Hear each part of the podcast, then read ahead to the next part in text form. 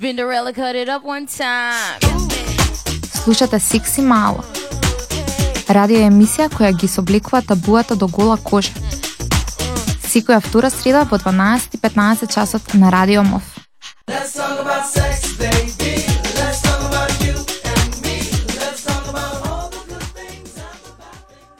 Секси малци повторно назад во етерот, ритуално секоја среда во 12:15 часот на Радио МОВ. Со вас денес сум јас, односно Дефи, заедно со Клементина и Јордан, И денеска сме подготвени есенски да го започнеме новиот радио час во кој што зборуваме на теми на кои на кои што останатите најчесто не не сакат односно од, одбегнуваат да зборуваат. Um, теми кои знаат да бидат зашешкувани, зашешкувани ако воопшто и постои тој глагол, или уште подобро теми кои знаат да западат повеќе од кардиовежби. А, денес, од причина што се наоѓаме на средина на месец ноември, одлучивме да зборуваме повеќе за машкото здравје и поддршката за развивање на истото, затоа што токму во овој месец се појави и движењето за кое што верувам повеќето од вас имаат слушното, а тоа е Мовембар. А, може би ќе звучи малку стереотипно, но јас би го замолила Јурдан да ни објасни повеќе за правилата и од каде всушност потикнува ова движење. Така, дефи здраво пред се, сексималци. А, пред да започнеме со поголемиот дел од она што го имаме спремно за оваа емисија, сакав пред се да кажам повеќе околу тоа како започнато движењето.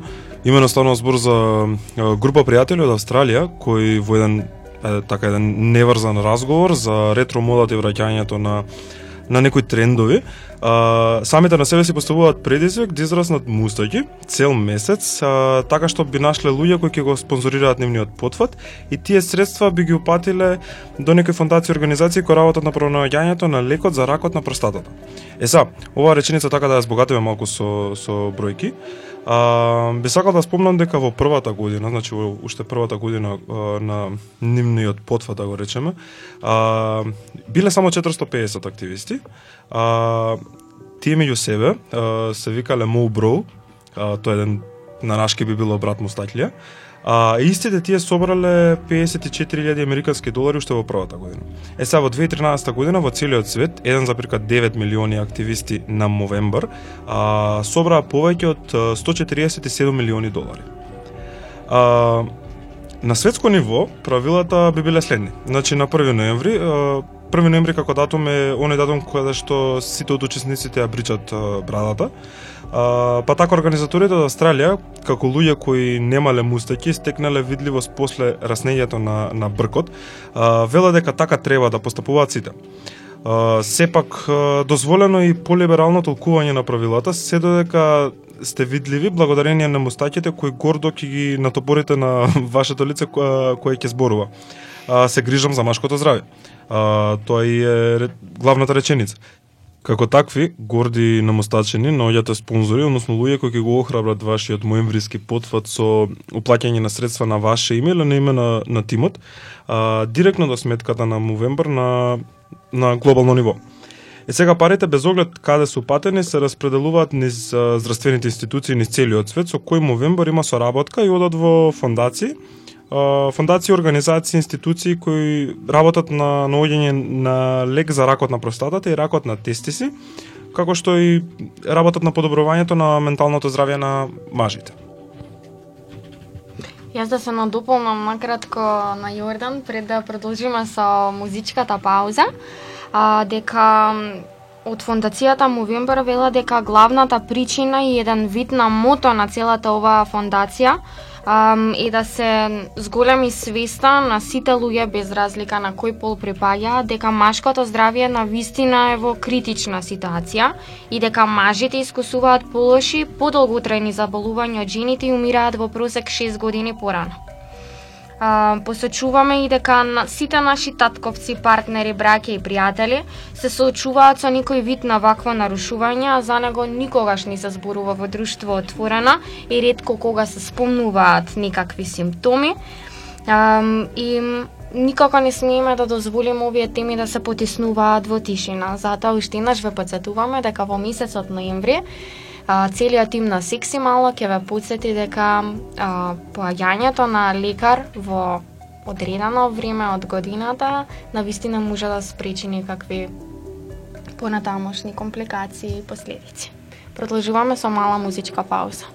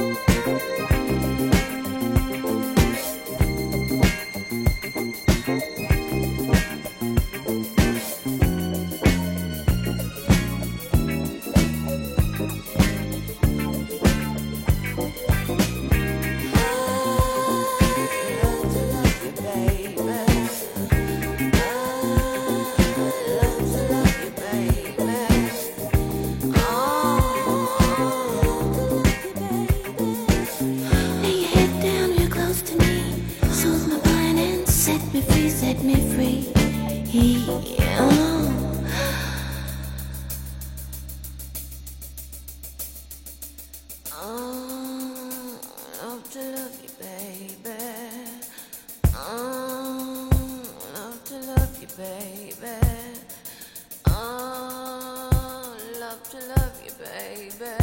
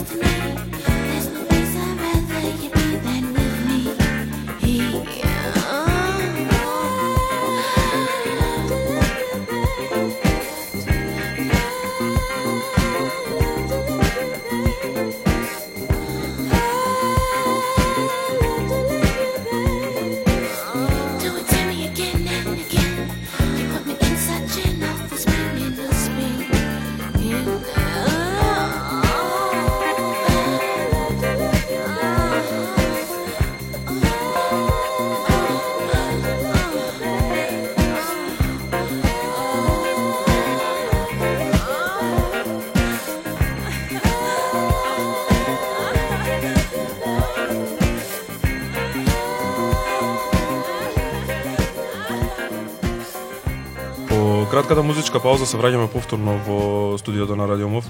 А, сакав да напоменам дека во овој месец ноември, како што спомна Климентина, повеќе зборуваме за машкото здравје, а и некако гледајќи ги сите останати организации, она што се случува да речеме во Македонија, многу често барем во овој месец се зборува за за машкото здравје, од смисол на на простата, од смисол на рак на простата, рак на тестиси и такви некои поврзани а, теми. Сакав да да да да искочиме малку од тој од тој некој круг и сакав да позборуваме малку за некои други работи кои што се случуваат во во нормалниот свет на машките, а некако многу малку ги спомнуваме. А, сега овој поголемиот дел што би сакал да го зборуваме од некое лично искуство, и од некое искуство на мои блиски пријатели, другари. А, и мислев дека не е да, да помине мисијата без да ги спомнем овие некои работи.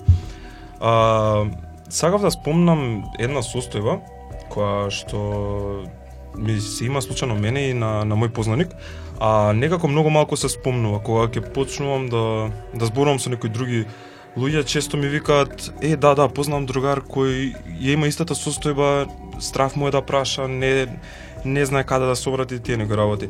А, има наставно збор за фимоза. А, фимоза е не толку позната во како како тако како поим во помеѓу машкиот свет да речеме кај нас во Македонија не сум сигурен за другите земји, но таа представува состојба со која а, се сочуваат поголем број а, маш, мажи и машки новороденчиња. И сега да некако подноставиме, а, таа представува неможност да се повлече кожичката на пенисот преку глансот, односно главата. А, и отприлика тоа би било на кратко тоа. Најчесто се овие оваа состојба се јавува кај младите новороденчиња и често мајките би ја препознале оваа состојба со тоа што знаат уште од уште од мали пробуваат да ги вежбаат и едноставно да да ја влечат кожичката за понатаму децата кои ќе дојдат нели во пубертет да немаат проблем со баш со фимозата. Јордан, а, јас имам едно прашање затоа што во една прилика пред самото снимање на оваа емисија, а, кога решивме да зборуваме за машкото здравје, а, се спомна фимозата и се спомна уште неколку состојби за кои што јас искрено претходно и немав чуено.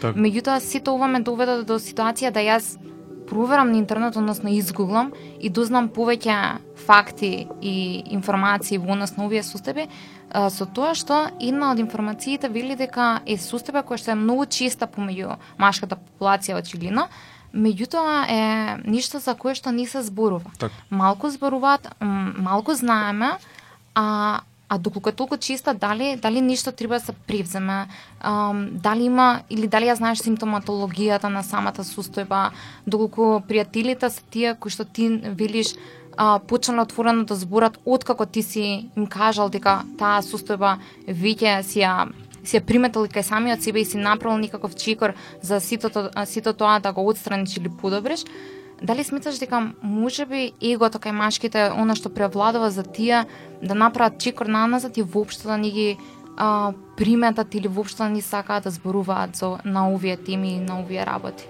Така.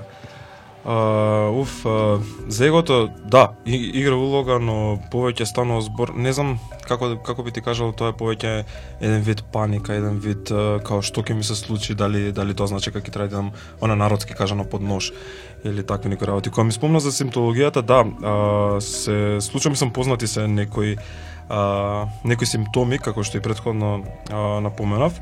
А, еден од нив е нелагодност а, за време на сексуалниот однос или неможност за сексуален однос. А, вторе, да го речеме, симптом е неможност за одржување добра хигиена, а апропо на тоа нели иде и појавување инфекции, воспалување и такви некои работи. А, како трета еден како еден трет симптом би го спомнал и често јавување на болки или чувство на стегање или нелагодност при мокрење. Ова се случува а, често, но не во секој случај. Е сега, а, фимозата исто може да предизвика компликации. Значи, дел од нив а, би биле инфекциите, како што ги спомнав, а, с големен ризик од карцином, чешење и потекување, болки, прекин, а, прекинување или, а, или болка при мокрење. Е сега, колку и ова да звучи нели некако страшно медицински темно и сите некои работи, а, сакам да кажам дека не. Значи не не е страшно, нема потреба од паника.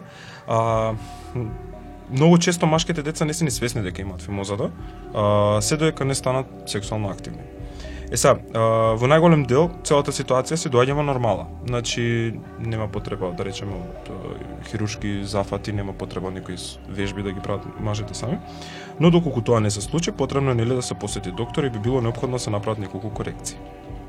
Е са, тие корекции како што ги спомнавме се хируршки точно, но како што кажав самиот збор хируршки не треба да значи дека тоа е не знам кузне каков зафат, дека тоа е не знам ножеви и такви некои работи, туку станува збор за едно тотално едноставен процес кај што трае не знам неколку минути, а, се работи за отстранување на на ќе те излажам сега точниот збор медицински не го знам перциум, перцициум, некако така сека, но стари станува збор за кожичката на на пенисот, односно кожичката која покрива главата на пенисот, може да се отстрани делумно или е, целосно.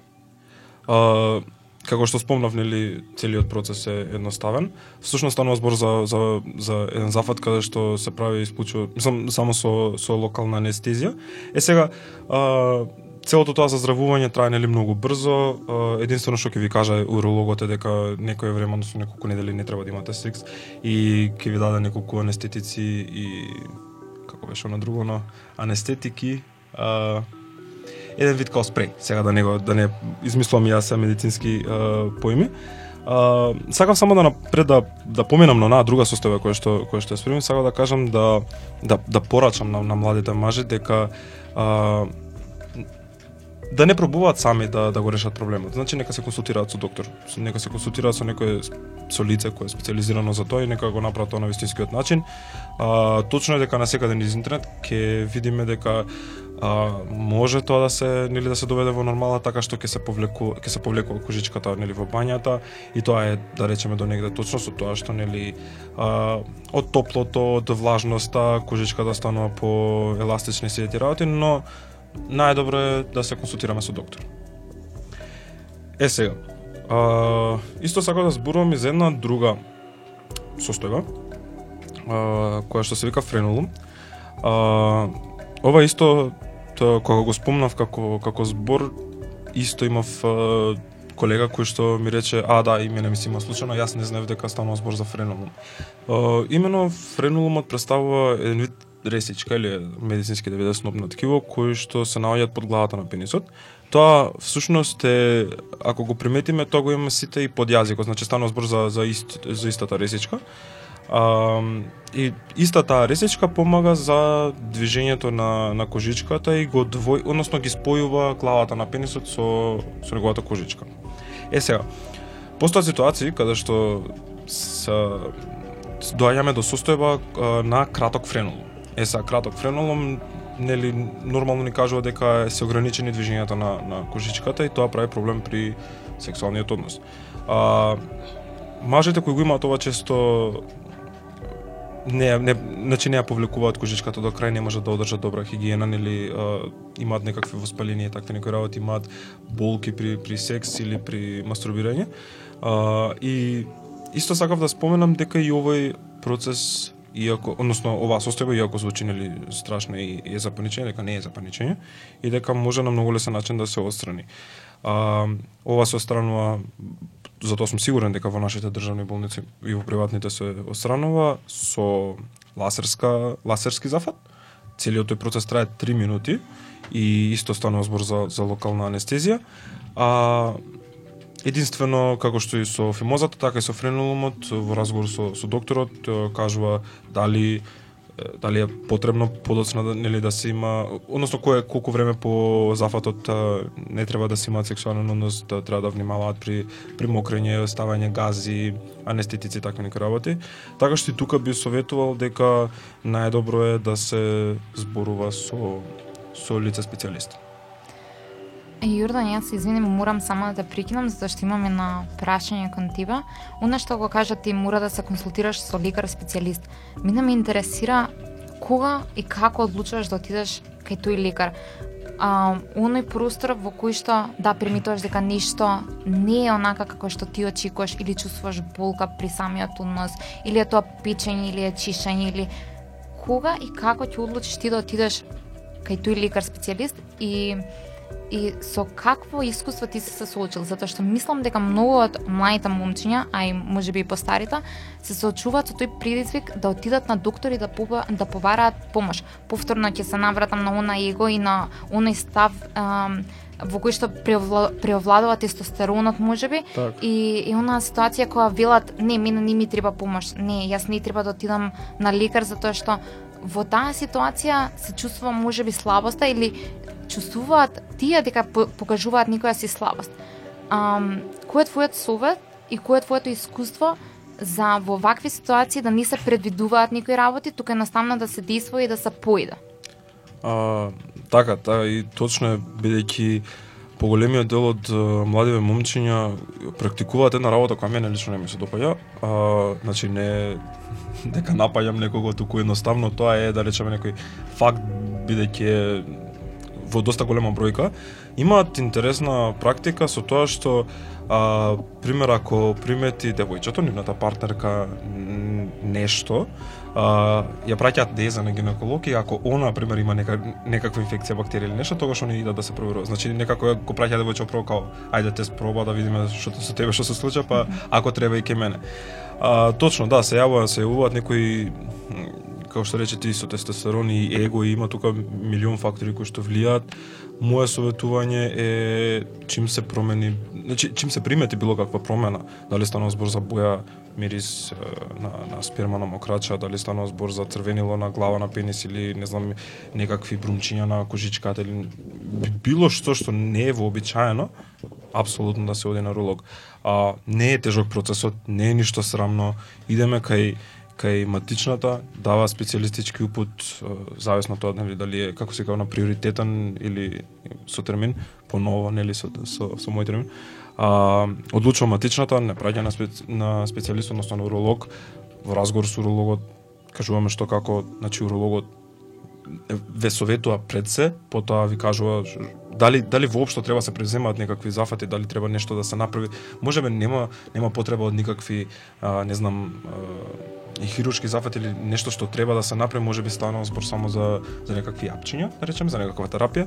Така да јас ги им порачувам на сите, едноставно значи нема нема потреба од срам, нема потреба од страф. Тоа е тоа, се соочуваме, ништо страшно, важно е да се реши. Така, важно е да се како вика да се спречи пред да тоест да се лечи пред да се спречи. А, го утнав. Пред... Да се спречи за да не се Отколку да се Е така, е така. Јас се извинувам. Пардон. А, да, та, така така стои работата, така стои состојбата некако со младите момчиња, инаку сакав да спомнам ова го спомнувам и во оној дел а, каде што Хера работи а, околу машкото здравје и мажите. А, имено пред некое време станавме членка на Меренгејч. Меренгејч е платформа која а, работи на на подречје на централна на Централна Азија и Централна и Источна Европа се залагаат за за машка родова еднаквост, иако нели зборуваме многу за за женската родова еднаквост, стануваме почнуваме да зборуваме многу повеќе за машката родова еднаквост, бидејќи тука има многу а, многу социјални притисоци, многу проблеми со со младите момчиња и нели за да го спречиме тоа на време почнуваме со тоа да зборуваме. Така да некако а, самото зачленување на Хера во оваа платформа со со месецот ни се поклопуваат заедно со мисија да направиме нов продукт. И пред да продолжам со со на да речеме нај најсериозна од овие три состојби кои што ќе ги споменеме денес, би предложил да идеме со мала музичка пауза, може?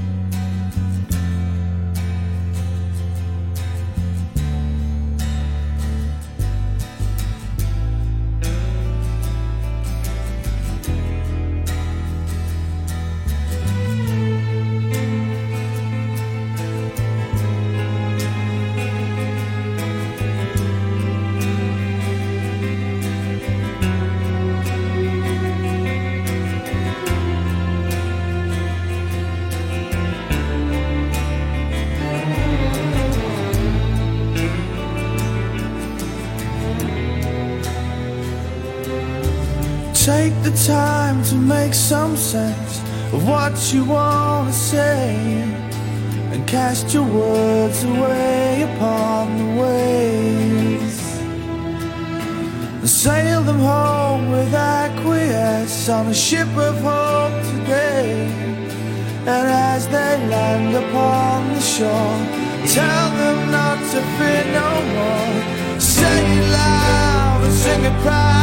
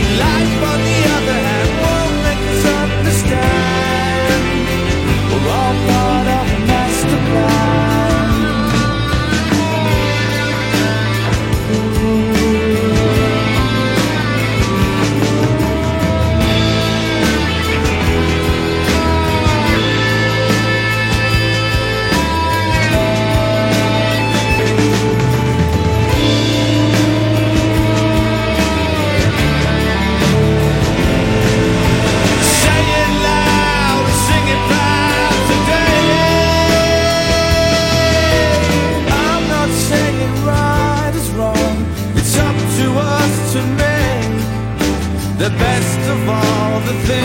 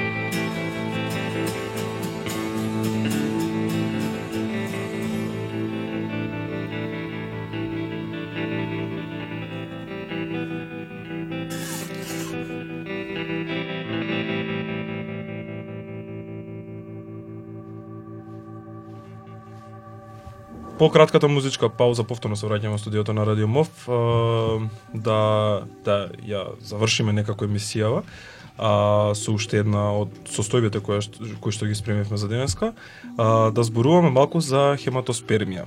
Е сега тоа како медицински термин звучи ку знае колку страшно се ти работи, но таа како таква представува појава во појава на крв во еjakулат, односно во спермата. Е сега таа е многу а, честа, но и да речеме не толку честа кај мажите, а, и се јавува претежно во некои од, да речеме, кај млади мажи, кои што се над 20 години, па и кај постари. И самиот кажа дека поимот хематоспермија звучи малку страшничко. а, дали е на вистина толку опасна како што звучи, што всушност представува? Симптомите, компликации, колкава опасност може да предизвика доколку не се посети на време уролог кога ќе се пројави или ќе се примети нешто вакво во спермата. Така, а, види, а, појавување на крв во сперма, кол, колку сакаме да бидеме големи мажишта, нема да изреагираме нели нај најмашкасто и нај само со самодоверба, туку ќе се запрашаме малку. А, претежно пациентите, мислам, оние луѓе кои што имаат оваа состојба, а, лошото е тоа што помислуваат на најсериозните болести. Значи, зборуваме за оној зборот на ракот. А, Сакам да споменам дека хематоспермијата иако звучи толку опасно, е, е за паника дека не е воопшто за паника, дека не е опасна ниту оваа состојба. Е сега, ам, како што кажав, ам, повторно ќе се надоврзам со оним момент што од преска го зборувам дека доколку се примети нели ваква појава во спермата, веднаш да се отиде на, на уролог. А, да се тоест хематична се повара специјалистички под па уролог и сите тие процедури како што течат натака. А, во некои истражувања што сам си ги направив и во разговор со, со неколку доктори или со луѓе кои некои што им се има случајно ова, а, вела дека а, светски доктори значи кажуваат, односно тоа што го порачуваат на, на, на докторите кои што се соочуваат со пациенти кои имаат оваа состојба, прва работа што ја кажуваат е дека треба да им се каже на пациентите дека нема потреба од паника. Затоа што а, да да го трнеме фактот дека станува збор за крв во сперма прво удира на психолошки на психолошкиот дел, така, значи анксиозности, депресии, паники и сите тие работи прво треба да се смири пациентот затоа што станува збор за нешто што стварно не е не е опасна работа, а подоцна да се иде со нели со тие терапии. Е сега, а, само по себе тоа како што кажав не е опасно заради тоа што а, како причинители на, на, на таа појава крв во, во еякулат, односно во спермата, а, не се познати. Значи, а, тоа е така да речеме бидејќи самото производство на, на спермата влие од многу органи. А, не точно се знае од кој орган, од која жлезда, од која жиличка потекнува оваа крв. Значи може да станува збор за некаква дамнешна инфекција, некоја мината инфекција, каде што не, низ некаков спермо, она каналче, а, некој каналче поминало некаква бактеријче, некаква инфекција, па направило некакво дразнење, некакво воспалување и тоа се се појавува после толку време. А, едноставно тоа е. Е сега, а, кога ќе прашате доктор за во врска со ова, он ќе ви каже тоа е исто, значи појавата на крв во спермата е исто толку опасно колку што ќе ви се појави крв од нос, значи кога ќе потече нос. А, во најчести случаи а, кај нас а, се третира нели нормално со воспаление чисто од почеток заради ете да речеме некој некоја превентива од инфекции, од а, сите сексуално преносливи инфекции, па и од некои бактерии.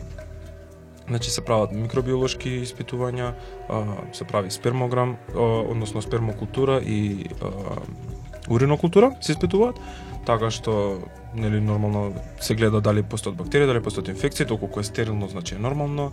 Подоцна ако урологот одлучи се оди на ехо, на цистоскопија, а, тоа е исто едноставен процес. А, ехото е значи истото ехо да речеме што се случува кај кај нели мајките кои што кај бремените жени и додека цистоскопијата да речеме оној малку непријатен процес, но не не е страшен. Значи тоа е нешто што не боли, нешто што не не е кој знае колку страшно, иако на кога ќе ви објаснам процесот на почеток го звучи страшно, но не не е толку не е ништо опасно, не е ништо за причи.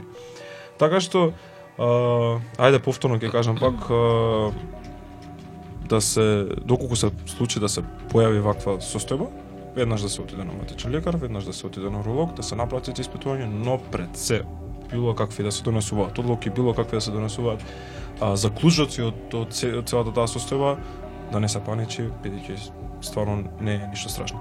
А, само заборавив да напоменам, ова состојба се јавува кај как кажавме кај млади мажи и кај кај постари мажи, но целиот тој процес на значи на крв во трае од неколку недели до неколку месеци, односно горе доле од да речеме 3 недели до 6 месеци максимум.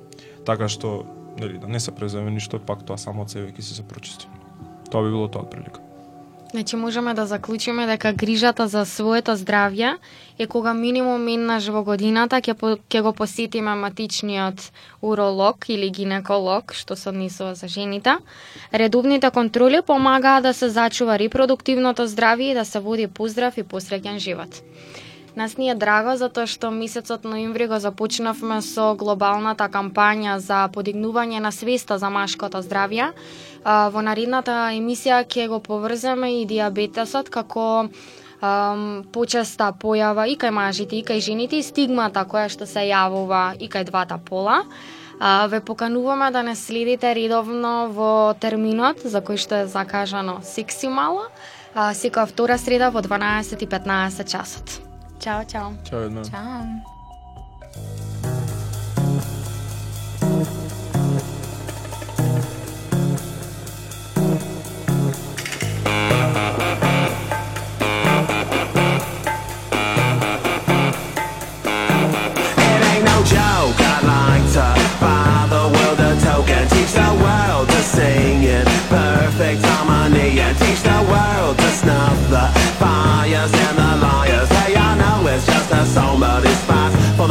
me, this is a lie.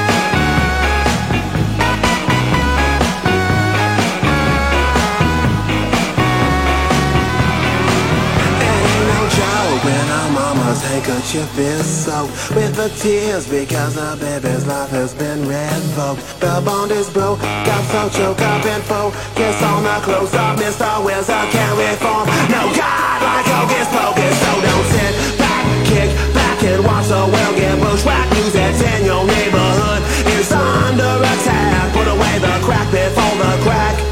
Put you away, you need to